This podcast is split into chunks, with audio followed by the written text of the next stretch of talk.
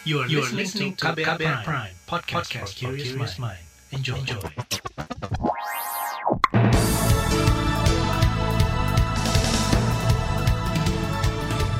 Anda mendengarkan buletin pagi yang dipersembahkan oleh kantor berita radio edisi hari ini 23 Juli 2021 bersama saya Reski Mesanto. Pagi hari ini seperti biasa, buletin pagi telah menyiapkan sejumlah informasi untuk Anda. Di antaranya, angka kematian pasien COVID-19 tertinggi di dunia. DPR minta pemerintah siapkan skenario terburuk penanganan COVID-19 dan Gubernur Sulsel nonaktif didakwa terima suap 12 miliar rupiah lebih. Dan saudara inilah Buletin Pagi selengkapnya. Terbaru di Buletin Pagi. Saudara, angka kematian pasien COVID-19 di Indonesia terus mengalami peningkatan setiap harinya. Data Satuan Tugas Penanganan COVID-19 pada Kamis kemarin menyatakan jumlah kasus kematian kasus COVID-19 mencapai lebih dari 1.400 orang per hari. Angka ini rekor tertinggi saat ini dan merupakan kasus kematian harian tertinggi di dunia. Juru bicara Satgas Penanganan COVID-19, Wiku Adhisa Smito, meminta peningkatan angka kematian dalam sepekan terakhir dijadikan refleksi bersama. Patut dijadikan refleksi kita bersama, terlebih sudah enam hari berturut-turut kematian kita mencapai angka lebih dari seribu setiap harinya. Ini tidak bisa ditoleransi lagi karena ini bukan sekedar angka. Di dalamnya ada keluarga, kerabat, koleha, dan orang-orang tercinta yang pergi meninggalkan kita. Kasus positif yang turun dan kesembuhan yang meningkat harus diikuti dengan kematian yang turun pula. Juru bicara Satgas Penanganan COVID-19 Wiku Adhisa Smito menyebut lima provinsi penyumbang angka kematian terbanyak adalah Jawa Timur, Jawa Tengah, DKI Jakarta, Jawa Barat, dan Kalimantan Timur. Hingga kemarin kasus positif COVID-19 bertambah lebih dari 49 ribu kasus dalam sehari. Total penularan COVID-19 di Indonesia mencapai lebih dari 3 juta kasus dengan kasus aktif lebih dari 560 ribu orang. Sementara itu, saudara, kelompok inisiatif warga lapor COVID-19 mencatat ada ribuan orang pasien COVID-19 yang meninggal di luar fasilitas kesehatan maupun saat menjalani isolasi mandiri. Jumlah tersebut mayoritas berasal dari Pulau Jawa maupun luar Pulau Jawa. Salah satu inisiator lapor COVID-19, Ahmad Arif meminta pemerintah pusat dan daerah memberikan perhatian khusus untuk menekan kasus kematian pasien, terutama pasien yang sedang menjalani isolasi mandiri. Pak Jokowi juga sudah uh, menyatakan untuk memberikan perhatian lebih kepada pasien isoman, tetapi menurut kami ini masih kurang memadai, terutama untuk daerah-daerah yang yang tadi seperti daerah-daerah di, di rural atau suburban. Menurut kami sudah saatnya memanfaatkan pusat-pusat isolasi secara terpusat. Mungkin sudah saatnya memanfaatkan gedung-gedung pemerintah atau sekolah yang dilengkapi tentu dengan tenaga kesehatan. Salah satu inisiator lapor COVID-19 Ahmad Arif juga meminta pemerintah mengoptimalkan layanan konsultasi kesehatan daring atau telemedicine untuk menekan angka kematian. Arif meminta agar layanan telemedicine ini dapat dijangkau masyarakat di seluruh pelosok Indonesia, tidak hanya Jakarta. Hingga kemarin lapor COVID-19 mencatat ada lebih dari 2.300-an angka kematian pasien COVID-19 di luar fasilitas kesehatan, baik mereka yang tengah menjalani isoman maupun yang tengah mencari pertolongan ke fasilitas kesehatan. Sementara Ketua Satgas Penanganan COVID-19 dari PBID, Zubairi Jurban mendesak pemerintah segera menambah rumah sakit darurat untuk menekan angka kematian pasien COVID-19. Saudara, pemerintah optimis tingkat kematian pasien COVID-19 dapat ditekan dengan perawatan dan paket bantuan obat. Koordinator PPKM level 4 Jawa Bali, Luhut Binsar Panjaitan mengatakan, penyembuhan pasien COVID-19 akan semakin cepat dengan mengkonsumsi obat terapi selama perawatan, baik di rumah sakit maupun yang tengah menjalani isolasi mandiri di rumah. Sekarang yang sudah kita juga mobilisasi untuk tadi membantu testing, tracing, dan treatment ini. Treatment kita sudah ada obat dan ternyata paket obat yang diberikan oleh Presiden yang paket 1, 2, 3, 4 tadi dilaporkan oleh Gubernur Banten sangat-sangat bermanfaat. Jadi saya pikir dengan ini sekarang kita akan mencegah jumlah kematian makin rendah dan jumlah peningkat penyembuhan makin tinggi. Dan itu saya kira akan tren ke depannya akan terjadi. Tapi tetap harus tadi protokol kesehatan. Luhut Binsar Panjaitan yang juga Menteri Koordinator Bidang Maritim dan Investasi menyebut, sebagian besar pasien yang meninggal akibat COVID-19 memiliki komorbid atau penyakit penyerta. Luhut juga menekankan pentingnya vaksinasi guna memperkecil resiko terburuk atau fatality saat terinfeksi COVID-19. Sementara itu, Saudara, Perhimpunan Rumah Sakit Seluruh Indonesia Persi mencatat tingkat keterisian tempat tidur rumah sakit atau BOR secara nasional masih di atas 73 persen. Sekjen Persi, Lia Partakusuma mengatakan, angka itu masih di atas ambang batas yang disarankan Badan Kesehatan Dunia atau WHO. Lia meminta rumah sakit tidak memaksakan ruang perawatan intensif atau ICU terisi penuh – Hal itu mengantisipasi antrian pasien bergejala berat dan harus mendapat perawatan segera. Nah, bila digunakan semua tuh ICU, apa yang terjadi? Maka akan ada korban-korban lain. Orang dioperasi nggak bisa masuk ke situ karena atau orang emergency yang ternyata dari kondisi sedang masuk perburukan tiba-tiba nggak bisa pindah lagi ke ICU gitu. Jadi memang harusnya ada spare. WHO bilang 60 persen hmm. harusnya 60 persen tuh udah udah maksimum nggak boleh lagi penuh gitu ya dari 10 tuh harus ada 4 yang harus di spare untuk dikosongkan harusnya tapi sekarang kan enggak nih Sekjen Persi Lia Partakusuma mengatakan penambahan tempat tidur rumah sakit masih belum sebanding dengan jumlah penambahan pasien COVID-19 setiap harinya adanya rumah sakit lapangan cukup membantu mengurangi tingkat keterisian tempat tidur di rumah sakit Meskipun rumah sakit lapangan di 60-an lokasi juga ikut penuh. Sementara epidemiolog dari Universitas Griffith Australia, Diki Budiman menyebut, tingginya angka kematian akibat COVID-19 di Indonesia merupakan dampak pemerintah mengabaikan pengetesan, pelacakan, dan perawatan atau 3T, testing, tracing, dan treatment. Diki mengatakan selama ini tindakan testing dan tracing masih rendah sehingga banyak kasus infeksi COVID-19 yang tidak ditemukan.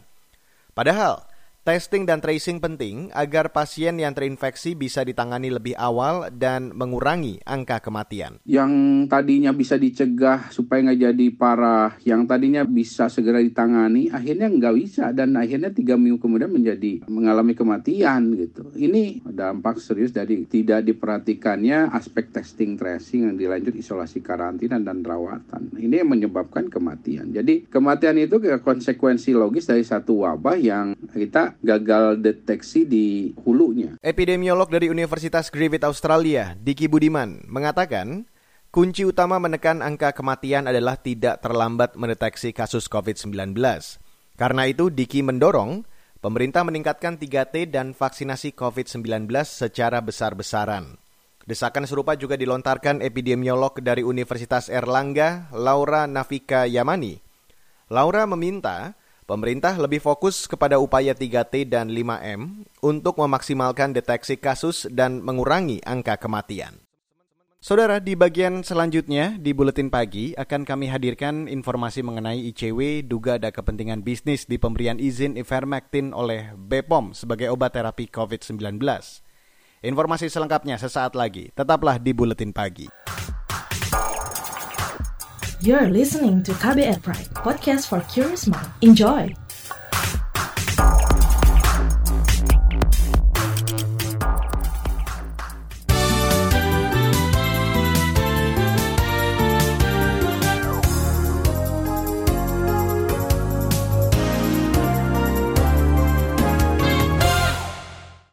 Kementerian Kesehatan mencatat hampir 550 ribu anak usia 12 hingga 17 tahun sudah mendapat suntikan vaksin COVID-19. Juru bicara vaksinasi dari Kementerian Kesehatan, Siti Nadia Tarmizi mengatakan, pelaksanaan vaksinasi anak dan remaja difokuskan di fasilitas pelayanan kesehatan dan di sekolah. Pemerintah menargetkan bisa memvaksin 11,9 juta anak dan remaja. Untuk yang di Fasiankes mungkin kita mengantisipasi uh, usia 12 uh, sampai 17 tahun yang mungkin tidak berada di bangku sekolah ya. Jadi dengan um, dengan adanya fasilitas pelayanan kesehatan, puskesmas, rumah sakit ataupun pos vaksinasi ini memudahkan mereka untuk mengakses uh, layanan tersebut. Tetapi untuk yang bersekolah tentunya kita bekerja sama dengan sekolah-sekolah untuk kemudian memberikan layanan vaksinasi. Juru bicara vaksinasi dari Kementerian Kesehatan Siti Nadia Tarmizi menambahkan, percepatan vaksinasi anak juga dibantu Badan Intelijen Negara atau BIN bekerja sama dengan pemerintah daerah. Saat ini, distribusi 50% stok vaksin ada di Pulau Jawa dan Bali yang mengalami lonjakan kasus positif COVID-19. Saudara, Badan Anggaran DPR meminta pemerintah menyusun skenario terburuk penanganan pandemi COVID-19 pada anggaran pendapatan dan belanja negara atau APBN 2021 dan Rancangan Anggaran Pendapatan dan Belanja Negara atau RAPBN 2022. Wakil Ketua Badan Anggaran DPR, Cucun Ahmad Syamsu Rijal, mengatakan skenario diperlukan untuk antisipasi kondisi pandemi di Indonesia yang masih tak menentu. Cucun juga meminta pemerintah mengantisipasi jika kebijakan pembatasan mobilitas dengan berbagai istilah belum mampu menekan laju penyebaran COVID-19 yang tinggi di Indonesia. Worst case itu kan ya, yang skenario apa eh, terburuk COVID ini bagaimana sal yang harus di uh, rep, apa refocusing kembali ya tidak ada jalan lagi harus dilakukan karena dari mana lagi mau tidak mau itu melakukan itu ya. Wakil Ketua Badan Anggaran DPR, Cucun Ahmad Syamsu Rijal, yang juga politisi PKB menambahkan, perlu anggaran yang besar terkait persiapan skenario terburuk, serta perubahan arah kebijakan serta postur di APBN dan RAPBN. Ia mendorong pemerintah memberikan stimulus ekonomi kepada masyarakat saat pemerintah memperlakukan kebijakan pembatasan mobilitas. Saudara, Lembaga Pemantau Korupsi di Indonesia ICW mencurigai adanya kepentingan bisnis di balik pemberian izin uji klinis ivermectin sebagai obat terapi COVID-19. Termasuk jika ivermectin yang merupakan obat cacing itu mendapat izin edar dari Badan Pengawas Obat dan Makanan sebagai obat terapi COVID-19. Koordinator Divisi Korupsi Politik ICW, Egi Prima Yoga menduga produsen ivermectin berkaitan erat dengan sejumlah pihak di lingkungan istana. Apalagi kata Egi, BUMN Indofarma mempunyai utang lebih dari 5,5 triliun rupiah ke produsen ivermectin. Lalu kenapa sih BPOM dalam tempo kurang dari satu bulan berubah sikap? Gitu ya. Ini juga perlu jadi pertanyaan. Saya menduga memang ketika ivermectin sudah menjadi komoditas gitu ya tentu akan banyak orang yang ingin mencari keuntungan dari situ dan oleh karena itu juga di balik keputusan pemerintah atau BPOM diduga terdapat pengaruh dan kepentingan bisnis yang begitu kuat. Koordinator Divisi Korupsi Politik ICW Egi Prima Yoga juga mempertanyakan ketergesaan pemberian izin obat ivermectin oleh Badan POM. Sebelumnya BPOM menjadi sorotan masyarakat karena memberi izin edar obat cacing ivermectin sebagai obat terapi COVID-19. Padahal uji klinis penggunaan ivermectin sebagai obat terapi COVID-19 belum selesai dilakukan. Belakangan, BPOM membantah telah mengeluarkan izin edar ivermectin. Kita beralih ke berita mancanegara, Saudara. Pemerintah Tiongkok mengungsikan lebih dari 70 ribu orang dari sejumlah wilayah yang dilanda banjir. Pekan ini, wilayah Tiongkok bagian tengah khususnya di kawasan Zhengzhou di Provinsi Henan dilanda cuaca ekstrim. Banjir di Provinsi Henan sudah berlangsung selama sepekan akibat hujan deras. Empat kota di Henan dinyatakan dalam keadaan siaga satu banjir. Kantor berita Xinhua menyebut kerugian ekonomi akibat cuaca ekstrim dan bencana banjir diperkirakan mencapai 2,7 triliun rupiah. Sejauh ini banjir di Provinsi Henan menewaskan 33 orang, termasuk 12 orang yang tewas di kereta bawah tanah yang terendam banjir awal pekan ini. Kita beralih ke informasi seputar ajang Olimpiade Tokyo 2020. Saudara tim sepak bola nasional Brazil menaklukkan Jerman dengan skor 4-2 pada laga perdana penyisian grup di Olimpiade Tokyo pada Kamis kemarin. Pada pertandingan ini, pemain Brazil Richard Leeson mencetak hat-trick atau 3 gol. Sementara di grup A, timnas Meksiko berhasil menundukkan Prancis dengan skor telak 4-1. Dari grup B, timnas Selandia Baru secara mengejutkan menang tipis 1-0 atas Korea Selatan dan timnas Spanyol yang digadang sebagai favorit juara harus puas bermain imbang 0-0 melawan Mesir pada laga perdana grup C Olimpiade Tokyo. Baiklah saudara kita break dulu dan nanti setelah break akan saya hadirkan laporan khas KBR mengenai lambannya pencairan bansos di masa PPKM darurat. Tetaplah di Buletin Pagi. You're listening to KBR Pride, podcast for curious mind. Enjoy!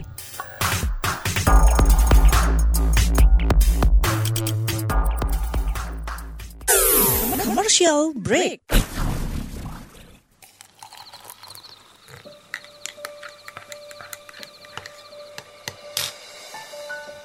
Hai, kamu apa kabar? Masih suka menikmati senja dan kopi?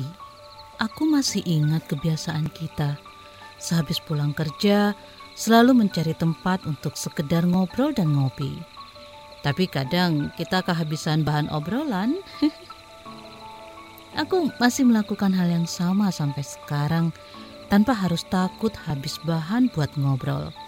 Karena aku selalu mendengarkan KBR sore dari Senin sampai Jumat jam 4 sore. Ah, aku rindu. KBR Inspiratif Terpercaya.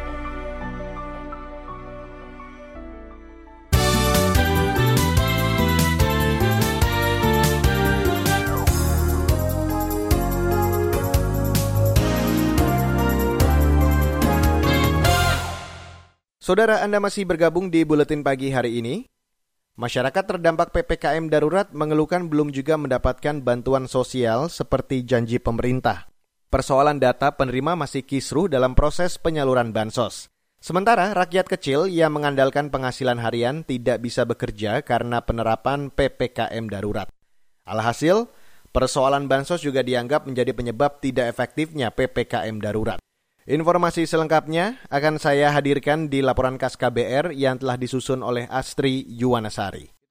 Ini yang jadi masalah. PPKM darurat sudah berlangsung dua minggu, baru ada rencana pembagian bansos. Ini orang sudah mati kelaparan, sudah kelaparan, baru mau akan. Ini kan keterlaluan. Itu tadi Iwan Suhermawan, Ketua Himpunan Pedagang Pasar Baru Bandung, Jawa Barat. Iwan mengeluhkan lambannya bantuan sosial dari pemerintah selama pemberlakuan pembatasan kegiatan masyarakat PPKM darurat.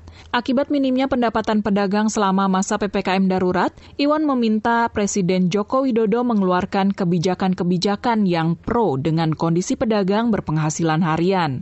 Saat ini sedikitnya ada enam program bansos yang disalurkan Kementerian Sosial. Dua di antaranya merupakan bantuan reguler yang telah disalurkan, yaitu program Keluarga Harapan PKH dan program Kartu Sembako. Bansos lainnya adalah penambahan bantuan sosial tunai atau BST Rp300.000 untuk 10 juta keluarga penerima manfaat atau KPM yang terdampak pandemi COVID-19. Juga bantuan beras 10 kg untuk penerima PKH dan BST. Selain itu masih ada tambahan bantuan beras 5 kg untuk pekerja sektor informal di Jawa dan Bali, serta bantuan sosial sebesar Rp200.000 yang diberikan kepada 5,9 juta KPM di luar penerima bansos yang sudah ada sebelumnya.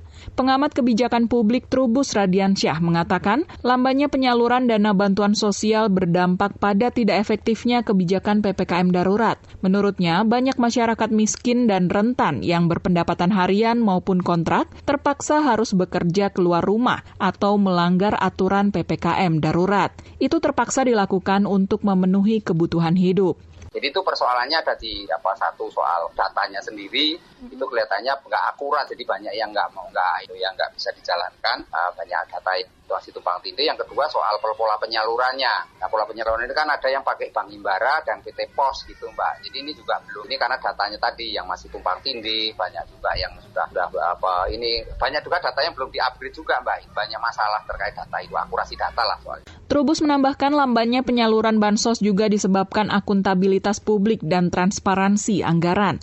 Selain itu, lemahnya koordinasi antara pemerintah pusat dan daerah juga menjadi pemicu lambannya penyaluran bansos COVID-19. Keadaan itu diperparah dengan adanya ego sektoral kepala daerah yang menganggap bantuan sosial merupakan tanggung jawab Kementerian Desa. Kisru data bansos juga menjadi perhatian parlemen. Wakil Ketua Komisi Bidang Sosial di DPR Aceh Hasan Syajili mengatakan persoalan data penerima bantuan sosial dari pemerintah sampai saat ini masih sering diperdebatkan. Padahal situasi sedang darurat dan memerlukan aksi yang cepat dari pemerintah. Aceh meminta kisruh data bansos bisa segera disinergikan. Jangan sampai menghambat proses penyaluran bansos untuk warga terdampak penggunaan teknologi informasi seharusnya itu hmm. menjadikan pemutahiran data menjadi real time gitu. Nah oleh karena itu walaupun Kementerian Sosial memiliki apa yang disebut dengan 6NG ya informasi kesejahteraan sosial next generation kami terus minta supaya ini harus dibenahi. Kenapa? Karena jangan sampai ketika situasi sangat darurat seperti sekarang ini kita masih berdebat kepada persoalan-persoalan seperti ini gitu. Itu tadi Wakil Ketua Komisi Bidang Sosial di DPR, Aceh Hasan Syajili. Adapun pengamat ekonomi dari Political Economy and Policy Studies atau PEPS, Antoni Budiawan bersuara lain. Ia justru meminta pemerintah membuat formulasi bantuan sosial per kepala saja dan bukan per keluarga. Menurutnya, bantuan Rp300.000 per keluarga terdampak tidak akan cukup untuk membuat masyarakat diam di rumah mematuhi aturan PPKM darurat. Bansos untuk masyarakat terdampak menurutnya minimal harus Rp500.000 per kepala. Jadi saya rasa adalah yang harus dibuat ini adalah per kepala. Jadi kita harus melihat bahwa kebutuhan per kepala itu berapa. Jadi kalau 300 ribu per keluarga itu sangat sedikit sekali dan tidak mungkin cukup, bukan hanya di Jakarta saja, tetapi juga di tempat lain, juga di daerah juga tidak akan cukup. Dan tidak cukup ini akan memicu pembangkangan. Jadi ini tidak efektif. Gitu. Kenapa tanggung-tanggung? Karena kalau saya usulkan yang paling sedikit adalah 500 ribu per kepala. Pengamat ekonomi dari PEPS Antoni Budiawan menambahkan, berhasil atau tidaknya PPKM darurat bisa terlihat dari tingkat kepatuhan masyarakat. Namun selama ini yang terjadi adalah masih banyak pelanggaran atau pembangkangan publik karena masyarakat butuh keluar rumah untuk mencari makan dan bertahan hidup, apalagi bagi pekerja di sektor informal. Sementara menunggu bantuan sosial PPKM darurat terbukti lambat sekali pencairannya. Demikian laporan khas KBR, saya Astri Yuwanasari. Dan saudara di bagian akhir buletin pagi hari ini akan saya hadirkan informasi dari daerah. Tetaplah di buletin pagi. You're listening to KBR Pride, podcast for curious mind. Enjoy.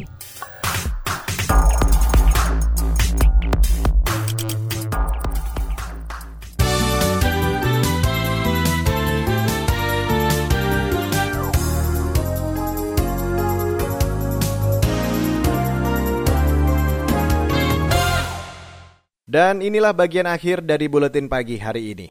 Saudara, Jaksa Komisi Pemberantasan Korupsi atau KPK mendakwa Gubernur Sulawesi Selatan nonaktif Nurdin Abdullah menerima suap senilai 150 ribu dolar Singapura atau setara 1,5 miliar rupiah dan 2,5 miliar rupiah. Suap itu diduga terkait pengadaan proyek di wilayah Sulawesi Selatan. Selain itu, Nurdin juga didakwa menerima gratifikasi senilai 6,5 miliar rupiah dan 200 ribu dolar Singapura atau setara dengan 2,1 miliar rupiah, sehingga total seluruhnya mencapai 12,8 miliar rupiah. Dakwaan itu disampaikan dalam sidang di Pengadilan Tindak Pidana Korupsi Makassar kemarin. Jaksa KPK Asri Irwan menyebut, terdakwa Nurdin Abdullah selaku Gubernur Sulawesi Selatan periode 2018-2023 terlibat menerima suap dengan pejabat Dinas Pekerjaan Umum Edi Rahmat. Atas perbuatannya, Gubernur Sulawesi Selatan nonaktif itu diancam penjara minimal 4 tahun dan maksimal seumur hidup, serta denda minimal 200 juta rupiah hingga maksimal 1 miliar rupiah. Saudara Menteri Dalam Negeri Tito Karnavian memberikan teguran kepada 19 kepala daerah yang belum merealisasikan anggaran COVID-19. Teguran itu terkait rendahnya serapan untuk belanja peralatan penanganan COVID-19 hingga insentif tenaga kesehatan. Salah satu yang ditegur adalah Provinsi Kalimantan Barat. Gubernur Kalimantan Barat Sutarmiji mengklaim realisasi anggaran COVID-19 terkendala proses pengadaan seperti lelang dan tender. Tito tegur kita karena penyerapan anggaran ya. Anggaran itu 125 miliar memang satu tahun. DAW itu ditransfer seper 12 setiap bulan. Nah yang ditransfer baru 58 persen DAW hari ini. Nah kita belanja untuk insentif nakes sudah 60 persen. Yang jadi mahal kan yang pengadaan-pengadaan itu yang jadi lambat. Ini proses. Saya nggak mau. Memang berani Pak Orison pasti kena panggil. Percuma ya presiden ngomong pun jaksa jangan ini polisi panggil. Gubernur Kalimantan Barat Sutarmiji mengaku serba salah di kondisi pandemi COVID-19 ini. Misalnya, obat-obatan terapi COVID-19 yang belum didistribusikan ke daerah dan tidak tersedia di pasaran. Sutarmiji juga mengeluhkan kosongnya stok vaksin untuk Kalbar. Sementara, pemerintah mendesak daerah untuk mempercepat vaksinasi. Kita beralih ke Bandung, Jawa Barat, Saudara. Rumah sakit Hasan Sadikin di Bandung, Jawa Barat mengaku ketersediaan oksigen untuk pasien masih belum ideal. Pelaksana tugas Direktur Utama RSHS Irayanti menyebut, Persediaan oksigen kini memasuki tahap kritis akibat mendesaknya kebutuhan pasien. Sebetulnya kita punya selain daripada tabung oksigen, kita punya tangki oksigen, tangki oksigen yang liquid. Untuk pasien-pasien yang dirawat inap, itu kita pakai adalah uh, yang dari oksigen liquid. Nah, namun memang kondisi saat sekarang ini tidak bisa terisi penuh seperti biasanya karena pemakaian yang sampai empat kali lipat dari biasanya. Pelaksana tugas Direktur Utama RSHS Irayanti mengungkapkan, otoritasnya berusaha semaksimal mungkin agar ketersediaan oksigen cair tidak sampai kosong. RSHS Bandung juga menyesuaikan jangka waktu pengisian oksigen dengan kebutuhan pasien. Dan saudara informasi tadi sekaligus menutup buletin pagi untuk hari ini 23 Juli 2021. Terima kasih untuk Anda yang sudah bergabung di Buletin Pagi dan jangan lupa untuk Anda yang terlewat Buletin Pagi hari ini, Anda kembali bisa mendengarkannya di podcast Buletin Pagi yang ada di KBR Prime, Spotify, dan platform lain tempat Anda mendengarkan podcast. Ingat selalu patuhi protokol kesehatan di mana pun Anda berada, dan apabila Anda tidak memiliki kebutuhan yang benar-benar mendesak atau memungkinkan untuk bekerja serta beraktivitas dari rumah, tetaplah di rumah.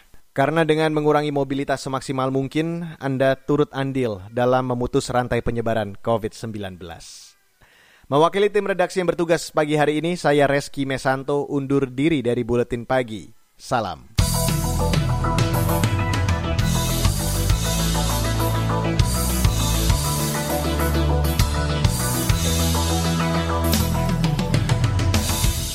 KBR Prime, cara asik mendengar berita. KBR Prime, podcast for curious mind.